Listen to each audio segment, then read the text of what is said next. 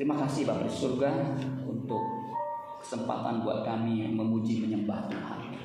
Dan tiba saatnya untuk kami mendengarkan firman-Mu. Kami sangat-sangat membutuhkan firman-Mu. Sebab firman-Mu adalah kita buat hati kami dan terang buat jalan hidup kami. Untuk itu ya Tuhan urapi kami semua tanpa kecuali. Urapi juga hamba-Mu supaya apa yang sudah dipersiapkannya itu boleh dilipat gandakan. Kami bisa memahaminya dan melakukannya dalam kehidupan kami sehari-hari. Di dalam nama Tuhan Yesus kami berdoa mengucap syukur. Haleluya. Yang percaya diberkati berkata, Amin. Tepuk tangan buat Tuhan Yesus. Semua yang mengambil bagian dalam pujian penyembahan. Saya juga terima kasih kepada Pak Gembala yang memberikan saya kepercayaan untuk menyampaikan firman Tuhan. Bapak Ibu Nani yang menghubungi saya. Apa kabar saudara? Luar biasa. Luar puji Tuhan. Ya, sehat semua ya. Nah, yang live streaming, saya berharap sehat ya. Dan kalau ada kesempatan bisa hadir di onsite GDIP Remon. Saudara-saudara sekalian, tema bulan ini untuk gereja kita yaitu kebangkitan persekutuan. Ya, ini sudah dikotbahkan oleh Pak Gembala.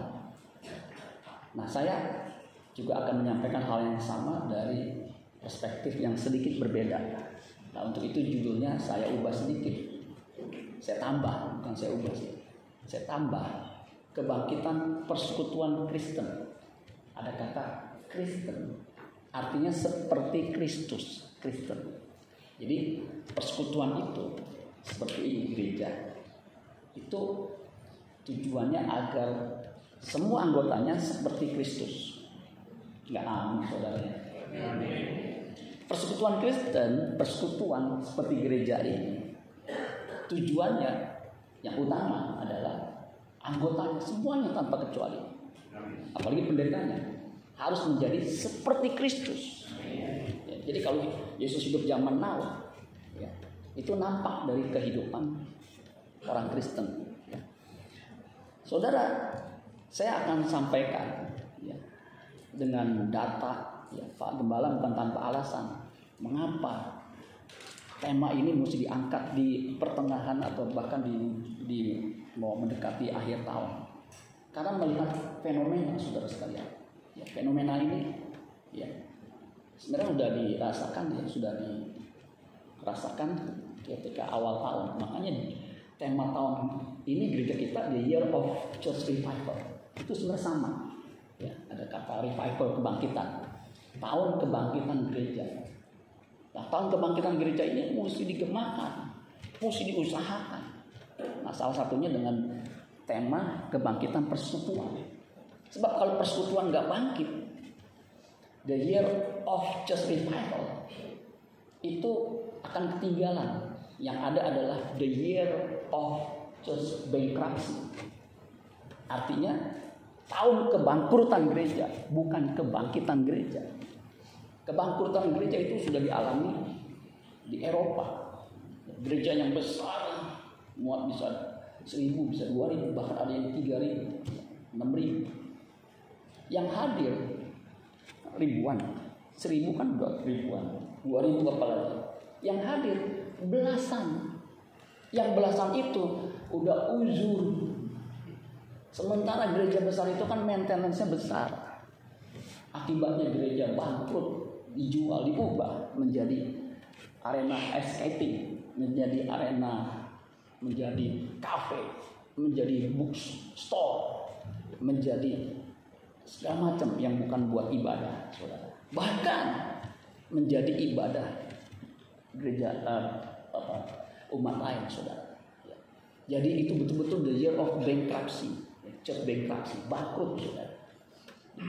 Karena gereja harusnya kan apa mengadakan aktivitas seperti ini tetapi ditutup tidak sesuai dengan tujuannya ya di Amerika saudara ada penelitian dari Lifeway Research Ternyata saudara sekalian, miris. Waktu saya baca penelitiannya, 63 persen dari mantan pendeta yang telah melayani lebih dari 10 tahun.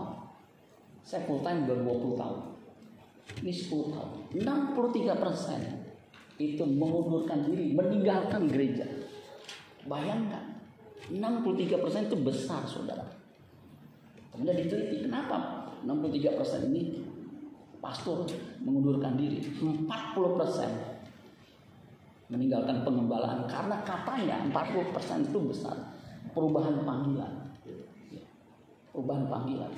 Saya jujur saudara sekalian, saya jadi pendeta ini dua lebih hampir lebih lama dari saya kerja itu karena panggilan. Kalau nggak karena panggilan, ya nggak akan kuat saudara. Itu 40 persen, 25 persen karena konflik. Pak Gembala benar kemarin. Kenapa anggota meninggalkan gereja ini? Konflik. Pendeta sama, 25 persen itu kabur karena konflik. 19 persen karena frustasi. Jadi pendeta juga manusia bisa frustasi suruh sekalian. Yang lebih gila lagi saudara 1784 orang pendeta yang setiap bulan itu resign dari kependetaannya. Wow, ini luar biasa. Makanya kebangkitan gereja itu jangan sampai terjadi. Amin saudara sekalian. Kita buka Alkitab kita dalam Ibrani pasal 10 ayat 25. Nanti saya sajikan juga beberapa uh, hasil risetnya. Ibrani 10 ayat 25. Di situ dikatakan begini. Ini ayat yang pernah juga disinggung oleh uh, Pak Gembala dan juga Pak Hendi, Pak Hendi Irawan. Janganlah kita menjauhkan diri dari pertemuan-pertemuan ibadah kita seperti dibiasakan oleh beberapa orang. Jadi ternyata pada waktu itu, ini tahun abad awal ya, kitab Ibrani ini. Ya.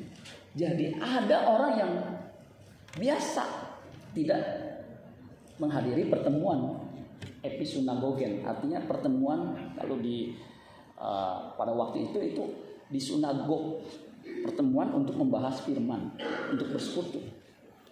Makanya dilarang. Janganlah kita menjauhkan diri dari pertemuan-pertemuan ibadah kita seperti dibiasakan oleh beberapa orang.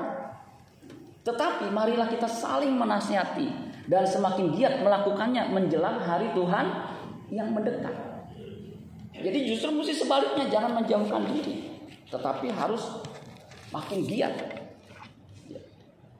Nah, saudara ya, saya lanjutkan penelitiannya terus sekalian ya. Ini di Indonesia. Waktu itu belum pandemi, 2018 penelitiannya.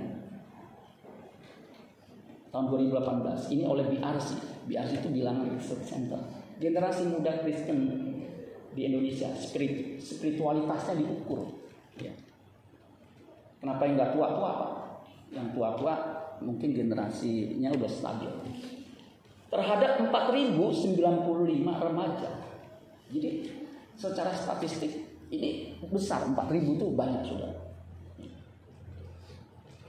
Usia 15 sampai 25 tahun. Ini pemuda, remaja pemuda.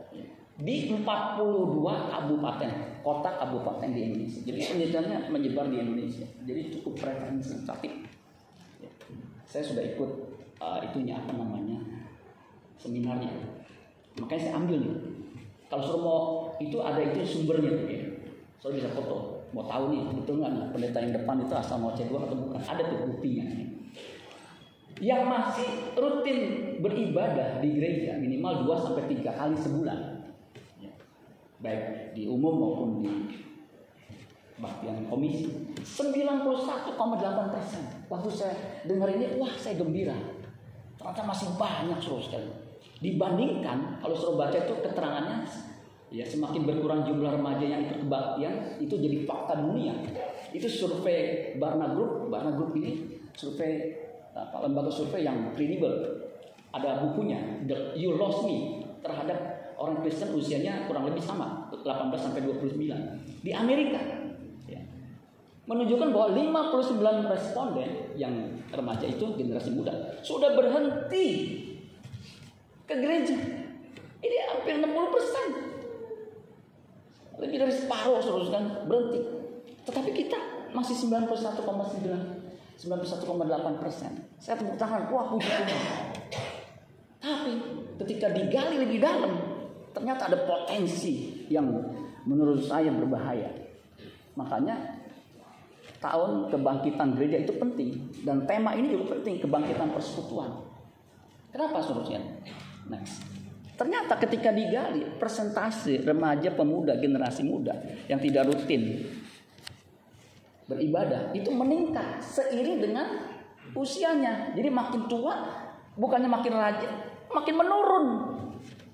Usia 15 sampai 18 itu 7,7 persen. Kecil kan? Tapi ketika menginjak usianya 19 sampai 22 persen, 10,2 persen. Naik hampir hampir 3 persen. Tetapi ketika naik lagi usianya, ini usia udah mulai kerja nih ya. Udah mulai cari pasangan. 23 sampai 25 tahun meningkat 13,7 persen. Jadi dari 7,7 ke 13,7 itu meningkat hampir 50 persen. Hampir berapa tuh ya? 13 kurang 7 aja. Itu kan 6. 6 itu kan hampir dua kali lipat. Ya, hampir satu kali lipat ya. Begitu saudara. Jadi ini cukup memperhatikan. Ya kalau dia tua lagi, mungkin bukan 13, bisa 20. Udah nggak ke gereja lagi. Lama-lama kalau gereja nggak ada generasi muda bangkrut saudara. Nah, alasan motivasi terkuat generasi muda hadir secara rutin. Jadi ada yang hadir, nah ini dicek. Nanti ada yang tidak hadirnya kita juga lihat. Ya. Yang hadir karena mengasihi Tuhan itu 33,3 persen. Merasa sudah menjadi kebiasaan atau kewajiban itu 29 persen. Karena kebutuhan, karena membutuhkan makanan rohani, ingin menyembah Tuhan. Memang itu. Karena inti dari ibadah itu firman. Makanya orang-orang Pantai Kosta dulu kita akan masuk dalam bagian yang terpenting. Apa bagian terpenting? Firman. 19% senang dengan kegiatan dan ibadah. Kalau ibadahnya dinamis, musiknya luar biasa, ya, senang. Kemudian suasana, kita termasuk fasilitasnya itu luar biasa, bagus. 11 persen. Tapi kesimpulan disuruh lihat, satu dari tiga generasi muda Kristen yang rajin ke gereja berpotensi tidak lagi ke gereja. Satu dari tiga itu berpotensi nggak ke gereja lagi. Kalau melihat hasil penelitiannya ini, satu dari lima remaja Kristen yang rajin ke gereja berpotensi pindah ke gereja lain. Kalau pindah ke gereja lain masih GBI mungkin oke okay lah. Kalau masih denominasi nggak masalah. Tapi kalau pindah dan tidak beribadah lagi itu yang miris. Kemudian berikutnya alasan generasi muda tidak datang ke gereja. Nah, ini penting. Karena ada banyak kegiatan yang menarik di luar gereja. Jadi di luar gereja itu lebih banyak, lebih kuat tarikannya, saudara. Ngapain ke gereja? Di sini lebih asik. 28,2 persen. Karena merasa pemimpin atau kepemimpinan buruk itu juga tinggi 21 persen. Kepemimpinan menyangkut visi, nggak nggak punya visi. Kemudian engagement. Nah ini engagement penting. Melibatkan, tidak ada melibatkan anak generasi muda itu menyebabkan nggak ibadah, disconnect. Jadi pemimpin-pemimpin generasi tuanya nggak bisa nyambung pola pikirnya. Nah, saya berusaha saudara, walaupun saya udah, saya kan generasi baby boomer, udah mendekati kepala enam, itu berusaha untuk connect.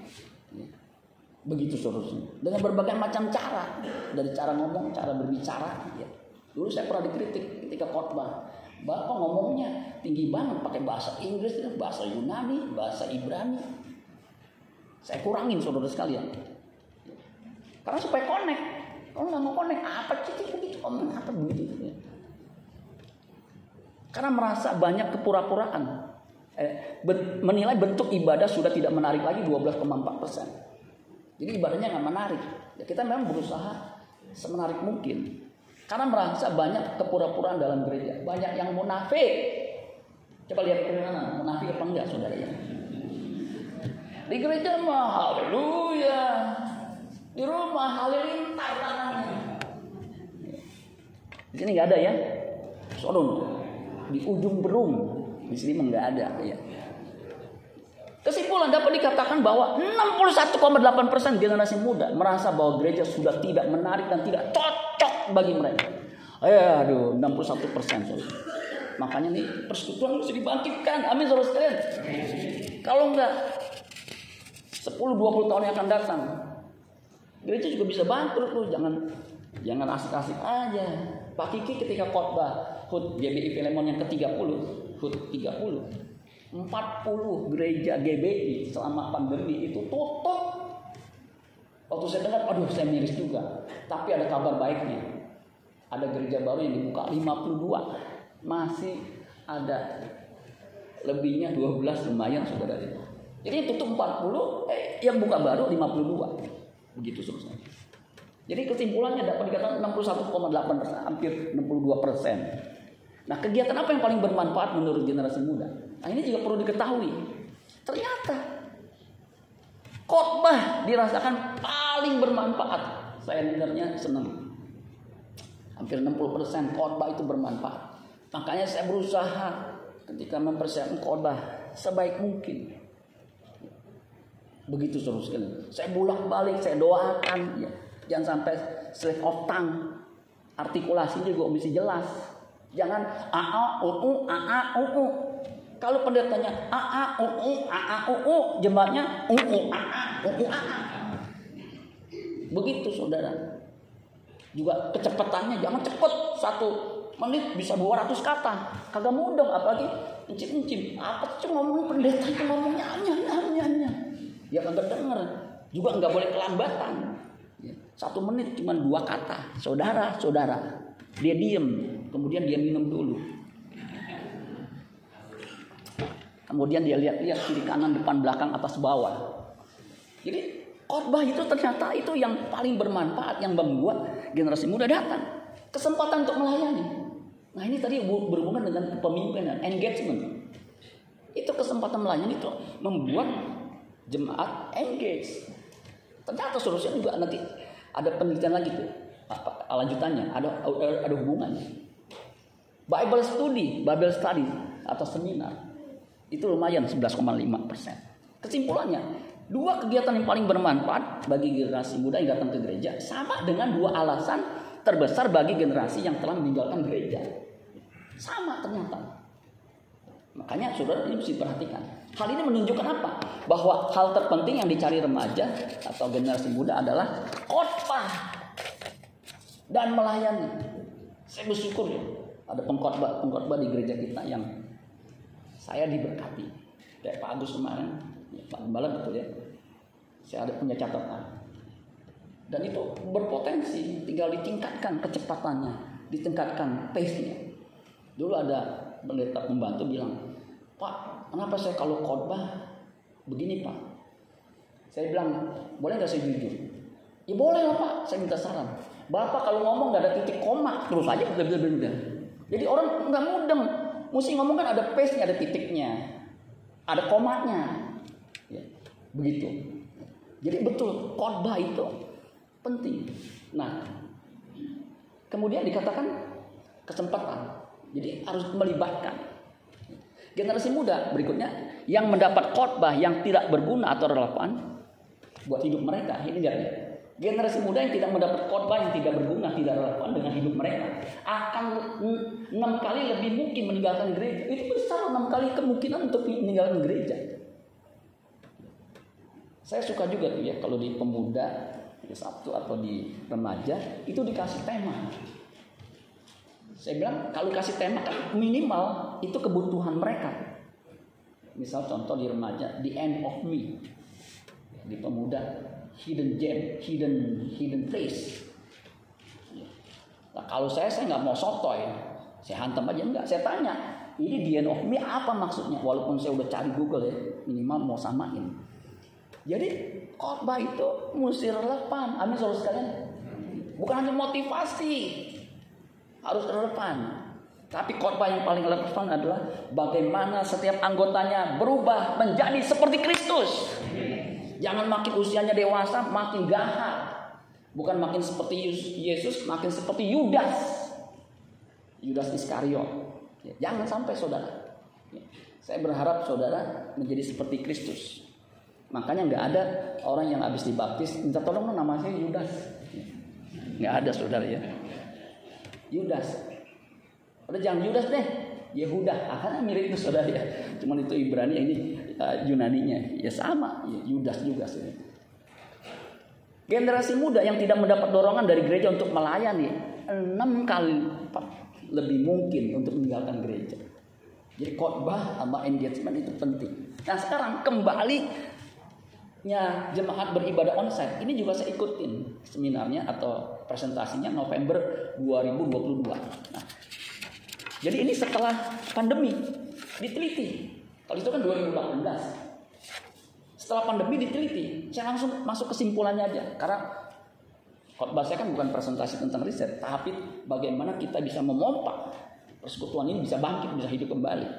Ternyata saudara presentasi kembali jemaat pada ibadah onsite saat satu bulan terakhir 81% ibadah umum. Wah puji Tuhan ini bagus nih. Kemudian minggu uh, Pemuda 75 persen. Masih ya lumayan lah begitu terus. Kemudian next karena waktu saudara ya. Semakin tinggi persentase jemaat yang terlibat pelayanan rutin. Jadi ketika pandemi rutin dilibatkan, ternyata ya saudara itu semakin banyak pula yang kembali ke onsite. Itu penjelasan saya bilang, wah luar biasa juga ya. Tapi kalau sepi-sepi aja ketika online Ketika onsite kabur semua. Nah, yang keenam tuh kembalinya jemaat gereja besar di atas 300. Kita termasuk sebenarnya hampir sangat dipengaruhi oleh banyaknya upaya yang telah dilakukan gereja baik di mimbar, media sosial, komunikasi maupun kunjungan. Itu kembalinya jadi lebih besar. Ada effort. Coba katakan effort. Apa sih Pak effort? Usaha. Amin. Yang ketujuh terakhir. Tiga alasan jemaat terbesar tadi saya ungkapkan merasa dampak positif ya terhadap kegiatan gereja memiliki komunitas yang baik kemarin disinggung oleh Pak Gembala kenapa orang meninggalkan gereja tidak mendapat komunitas yang baik komunitasnya buruk ya. suami yang datang ke gereja bukannya tambah baik tambah genit. Jadi pulang papa mata genit gini-gini saudara. Bukan, punya simpenan. Kalau di kota si maskot simpenan amoy satu kota. Supaya nggak ketahuan disimpan di desa. Simpenan, simpenan perempuan desa. Sepandai-pandainya tupai melompat, akhirnya jatuh juga, ketahuan juga, betul nggak?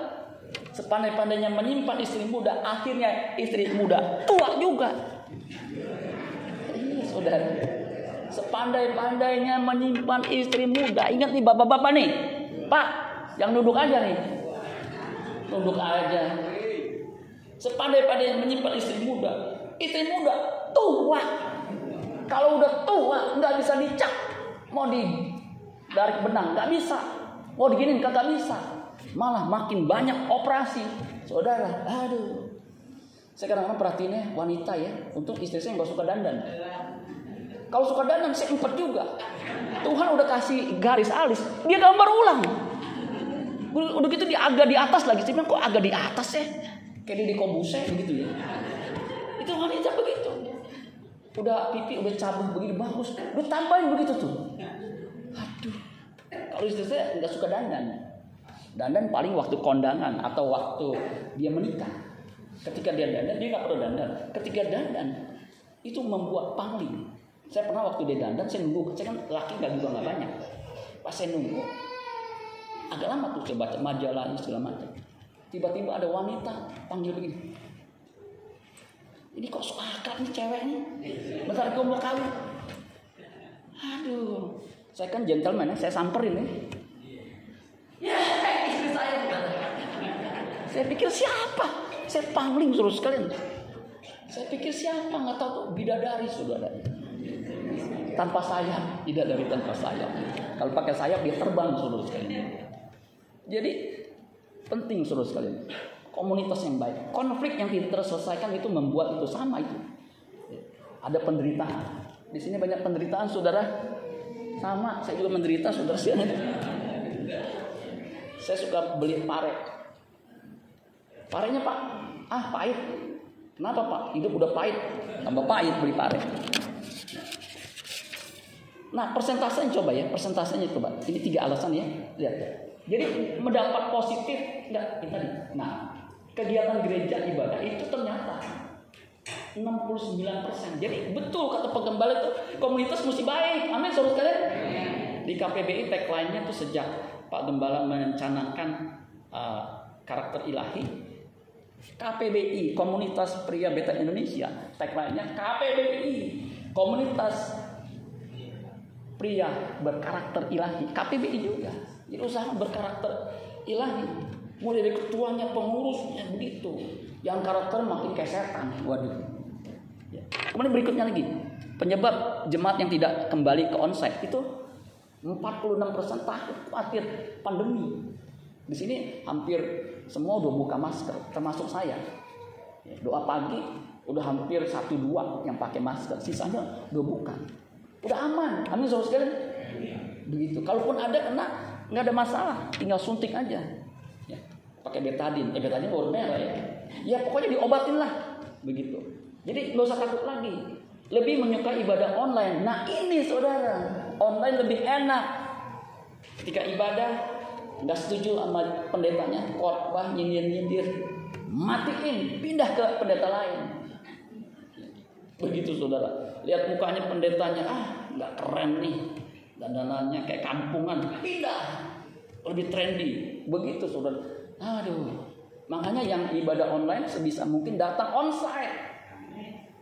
Jangan amin, yang, yang amin tuh yang online saudara ya datang onsite Pak Gembala kan selalu on onsite onsite kalau tanya kenapa nggak nggak nggak ibadah jawabannya gampang online online begitu emang kalau belanja pakai online enak saudara kemudian yang yang ini langsung aja nih sudah tidak beribadah di hari minggu itu 10 persen jadi lo nggak ibadah lagi tuh lumayan banyak 10 persen nah kita kembali next yang kesimpulan yang di awal ibadah minggu itu yang balik 81 persen. Gak tahu sekarang pemudanya 75 persen. Nah, bagaimana dengan gereja kita? Kemarin ketika raker saya olah datanya secara simpel.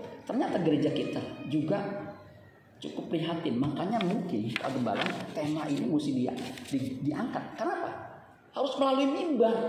Kalau ngomong satu-satu kan kelamaan, keburu gerejanya bangkrut seterusnya. Ngomong begini kasih semangat, amin. Saya maka kalau datang saya usahakan lebih pagi begitu. Kalau perlu lebih pagi dari Pak Endang, walaupun nggak mungkin ya. Karena di KPBI saya datang jam 6 lewat 10. Saya datang, dia keburu-buru. Kenapa? Bapak kepagian. Ya kita makan dulu. Enggak, begitu enggak keburu saudara ya. Jadi gereja kita suruh sekali ibadah pagi lah jam 8, ibadah sore jam 17. Ternyata kalau yang pagi 98 persen yang balik tuh. Ya, itu kan sebelum pandemi 2019. Pandemi kan 2020 awal. Itu balik 98 persen. Ini menggembirakan. Tetapi ibadah sore itu tinggal 51 persen. Jadi kalau in total 76 persen. Sisanya 24 persen. Enggak beribadah kembali. 24 persen besar saudara sekalian. Nah ini saudara. Sekarang saudara sekalian kita harus bangkit. Amin saudara sekalian. Kebangkitan dari kata bangkit. Kebangkitan. Ada awalan ke. Bangkitan. Itu kata benda. Bangkit atau bangun. Berdiri posisi siap siaga. Menyambut Yesus. Jadi kalau nggak siap-siap menyambut Yesus, ketika anak manusia datang, adakah yang menjumpai iman di bumi? Kalau suruh nggak nggak ada iman di bumi, nggak keangkat. Ingat tuh, masuk neraka bukan sehari dua hari. Kalau masuk penjara mungkin 20 tahun ada batasnya. Kalau masuk neraka susah. Masuk rumah sakit mungkin masih bisa bertahan. Revival, uh, bangkit itu artinya hidup kembali. Ya, tadinya udah mulai lesu, bangkit kembali. Itu kebangkitan, revival. Coba katakan revival kebangkitan. Ada yang mendefinisikan kebangkitan Richard Owen Roberts. Ini temannya Pak Agus ya. Pak Agus Wimanto punya teman Richard Roberts. Ya. An extraordinary movement of the Holy Spirit producing extraordinary result. Jadi kebangkitan itu ternyata pergerakan atau gerakan dari Holy Spirit yang luar biasa. Ya. Yang menghasilkan risetnya apa? Jiwa-jiwa yang juga luar biasa. Jadi ada dua tuh. Ya, kebangkitan itu penuaian jiwa-jiwa. Perubahan. Saya setuju sekali. Sedangkan persekutuan dari kata koinonia itu artinya fellowship, association, ya, community, communion, joint participation, intercourse, intimasi. Itu dari kata koinos, koina, ya. koina. Makanya Yunani koina artinya umum dipakai di mana-mana. Koina itu Yunani koina. Ya, dari kata ko, koinos, ko, uh, koinos itu common. Makanya common menjadi community, community common, communication common. Ya, artinya ordinary, ya. biasa. Jadi saudara persekutuan itu hal yang biasa. Karena manusia itu makhluk yang namanya homo socius. Kemarin disinggung. Manusia itu homo socius, jangan jadi homo homoni, homo homini lupus, serigala bagi sesamanya. Harus homo socius. Amin. Saudara dan saya ini homo socius. Bilang kiri kanan kamu homo socius. Bilang saudara sekalian supaya enggak. Jangan bilang kamu homo, jangan. Kamu homo socius artinya makhluk sosial yang harus bergaul. Tidak baik manusia itu seorang diri. It is not good for the man to be alone. It is not good to be alone. Coba bilang katakan, it is not good to be alone. Said, kalau orang sendiri itu mencari keinginan sendiri, nggak bisa dinasehati, bisa bisa meledak itu Amsal bilang 18 ayat 1. Jadi makhluk sosial, makhluk yang berkomunitas. Komunitas itu ada aktivitas yang dilakukan, namanya komunitas. Punya satu tujuan menurut saya nih dan juga saya yakin ini benar tujuan bersama. Apa itu? Orang menjadi seperti Kristus. Amin. Hendaklah kamu dalam hidupmu bersama menaruh pikiran yang terdapat juga dalam Kristus Yesus. Jadi dalam hidup bersama ini berkomunitas ini satu tujuannya supaya menjadi seperti Kristus itu sikapnya attitude-nya seperti Kristus tujuannya jadi kalau nggak ada tujuan cuma mau dapat manfaat Uang itu bukannya komunitas tetapi arisan. Jadi ada, ada tujuan utamanya menjadi seperti Kristus. Soalnya mungkin tanya, itu kenapa Bapak gambarnya binatang sih? Gambarnya apa tuh saudara? Semut. Itu gambarnya apa? Kambing sama. Saudara tahu nggak bedanya kambing sama domba? Ada yang tahu? Bulunya apalagi?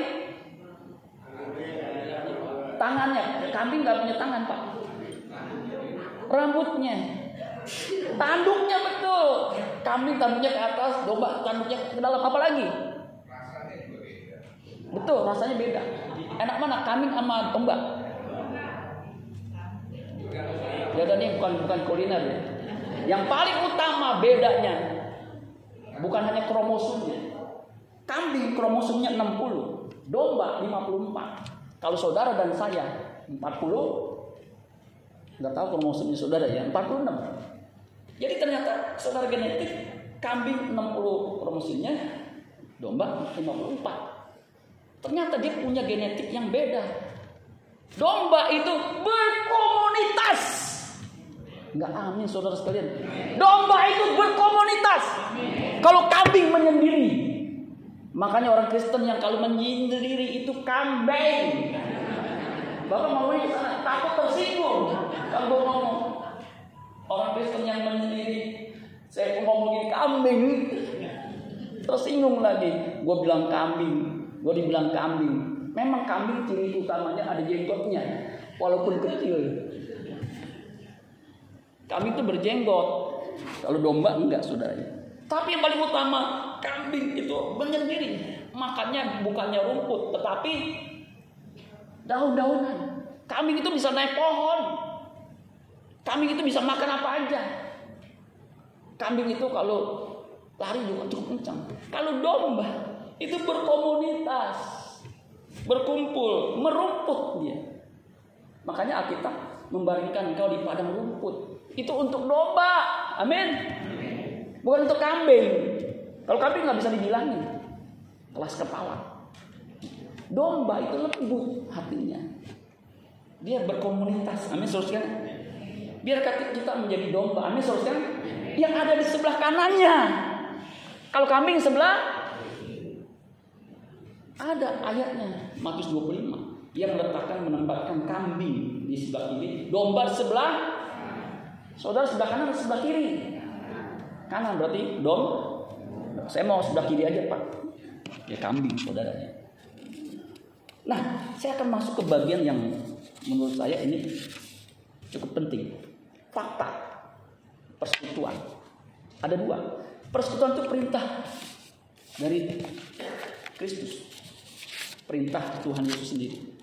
Di ini dua, dua fakta yang kita mesti paham. Saya masih ada waktu 15 menit ya. Kan kalau ibadah setelah ini 45 menit ya. Kisah para Rasul 1 ayat 4 sampai 5. Pada suatu hari ketika ia makan bersama-sama dengan mereka, kalau keburu tolong ditayangkan. Kisah 1 ayat 4. Pada suatu kali, pada suatu hari ketika ia makan bersama-sama dengan mereka, ia Yesus melarang mereka meninggalkan Yerusalem dan menyuruh. Itu kan perintah. Menyuruh mereka tinggal di situ. Tinggal di mana? Bisa dibantu nggak tuh? Ya. Kisah 1 ayat 4 sampai 5 konsentrasi. Kisah 1 ayat 4 di kisah aja. Pada suatu hari ketika ia makan bersama-sama dengan mereka ia melarang. Meninggalkan Yerusalem. Melarang mereka menyuruh mereka tinggal. Suruh di situ, tinggal di situ, menantikan janji Bapak yang demikian katanya. Telah kamu dengar daripada Kemudian loncat ayat 12. Murid-murid ini patuh. Ayat 12. Kisah 1. Maka kembalilah rasul-rasul itu ke Yerusalem dari bukit yang disebut Bukit Zaitun. Yang hanya seperjalanan sahabat jauhnya. Enggak jauh hanya seperjalanan sahabat itu kurang lebih satu kilometer. Setelah mereka tiba di kota, naiklah mereka ke ruang atas tempat mereka menumpang. Mereka itu ialah Petrus dan segala macam. Ayat 14. Mereka semua bertekun dengan sehati dalam doa bersama-sama. Itu komunitas. Ada doa yang dinaikkan, ada persekutuan. Ayat 15, pada hari-hari itu ber ayat 15. Pada hari-hari itu berdirilah Petrus di tengah-tengah saudara yang sedang berkumpul. Kemudian kisah Rasul 2 ayat 1 dan 4. Ini Pentakosta.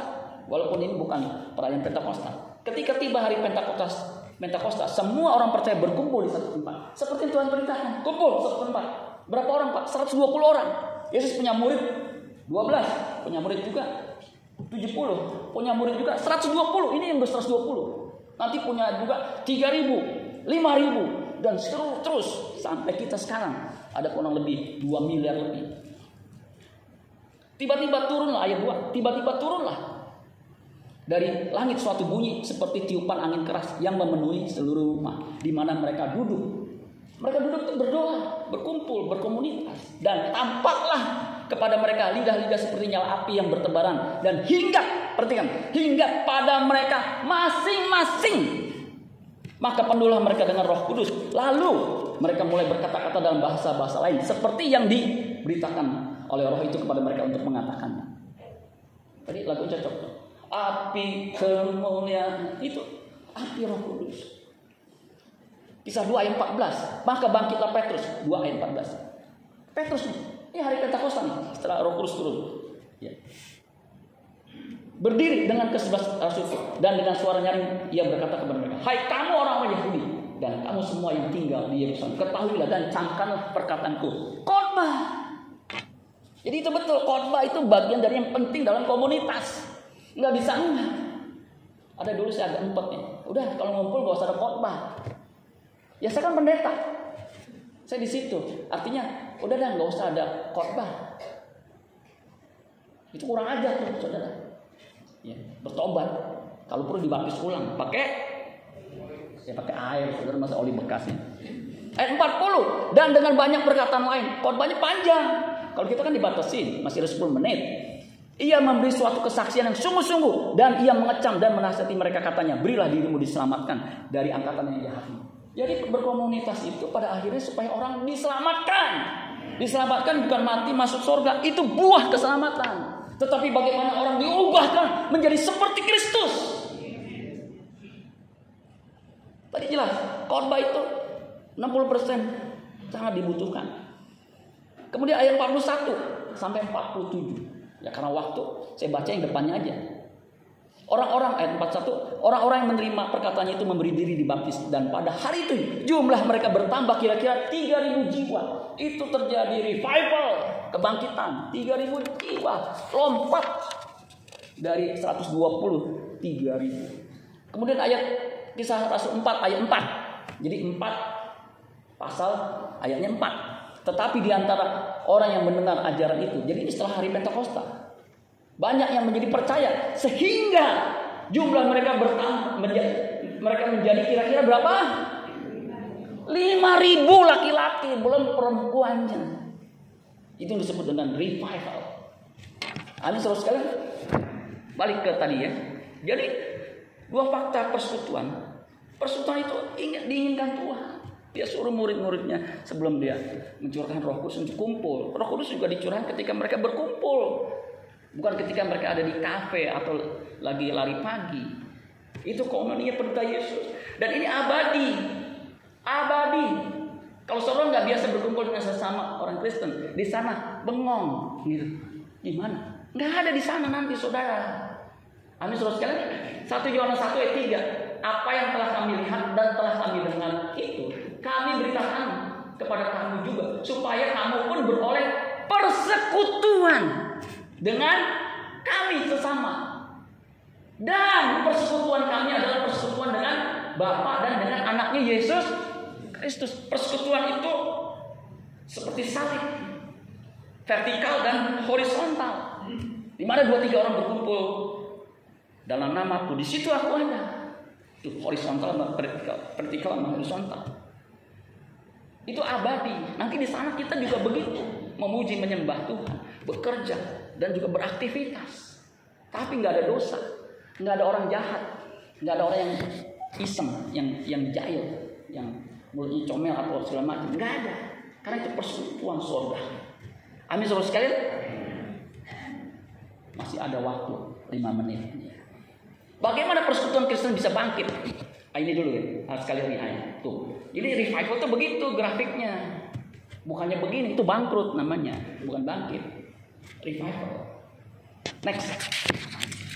Bagaimana persekutuan bisa mengalami revival, mengalami kebangkitan? Dari yang kita baca itu ada tiga. Cuma karena waktu satu aja deh. Yang lainnya udah saya singgung tadi. Jadi intervensi Roh Kudus itu nyata, harus ada. Kalau nggak ada intervensi Roh Kudus, nggak bisa. Jadi kebangkitan rohani itu kan juga salah satu yang memicu terjadi kebangunan persekutuan. Jadi untuk bisa mengalami kebangunan rohani harus ada Roh Kudus yang tadi extraordinary movement of the Holy Spirit. Jadi kita harus mengandalkan Roh Kudus. Dia berintervensi dalam hidupnya. Ketika teman saya khotbah beberapa minggu lalu ya, saya bilang kok khotbahnya luar biasa ya kayak Pentakosta ya. Saya tanya pas pulang, kok bisa ya? Yuk khotbahnya kok Roh Kudus ini itu yang paling penting, Holy Spirit. Holy Spirit itu penting dalam persekutuan. Amin seterusnya.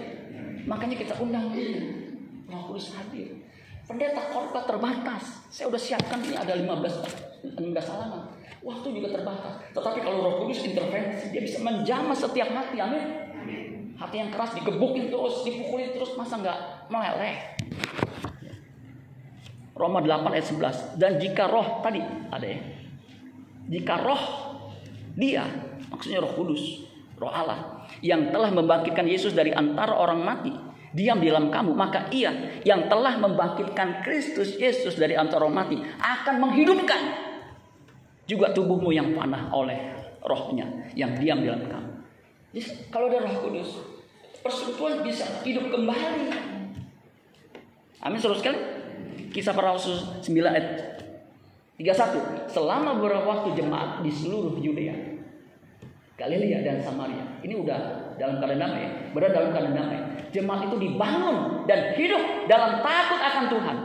Jadi jemaatnya mesti hidup takut akan Tuhan. Jangan hidup takut akan istrinya. Itu kerjanya DKI di bawah ketek istri. Ya. Yang kerjaannya jadi turis. turut istri turis. Ini takut akan Tuhan. Jumlahnya, jumlahnya makin bertambah besar. Oleh apa? Baca saudara. Oleh apa? Pertolongan Roh Kudus. Jadi kalau mau persekutuan mengalami kebangun rohani harus ada pertolongan Roh Kudus. Amin terus kan? Nggak bisa Roh bisa boleh khotbah bagus, tapi kalau nggak ada Roh Kudus yang mengurapi, nggak bisa. Waktu rapat KPBI di seksi terakhir, waktu saya tanya, ada yang mau tambahin, ada yang mau kasih usul, ada yang ini diam semua. Tiba-tiba ada seorang pendeta pembantu ngomong, saya menurut saya program boleh, mau MGM, mau ini segala macam. Tetapi kalau nggak ada doa, nggak ada Roh Kudus, nanti itu benar saudara. Siapa Pak pendetanya? Mau tahu aja lu. Jadi saudara sekalian itu benar intervensi Roh Kudus. Biar kita biar Roh Kudus hadir dalam persekutuan kita sehingga persekutuan itu menjadi indah. Amin saudara sekalian. Amin buat firman Tuhan. Tuhan Yesus memberkati. Tepuk tangan saudara. Kalau kita bantu berdiri.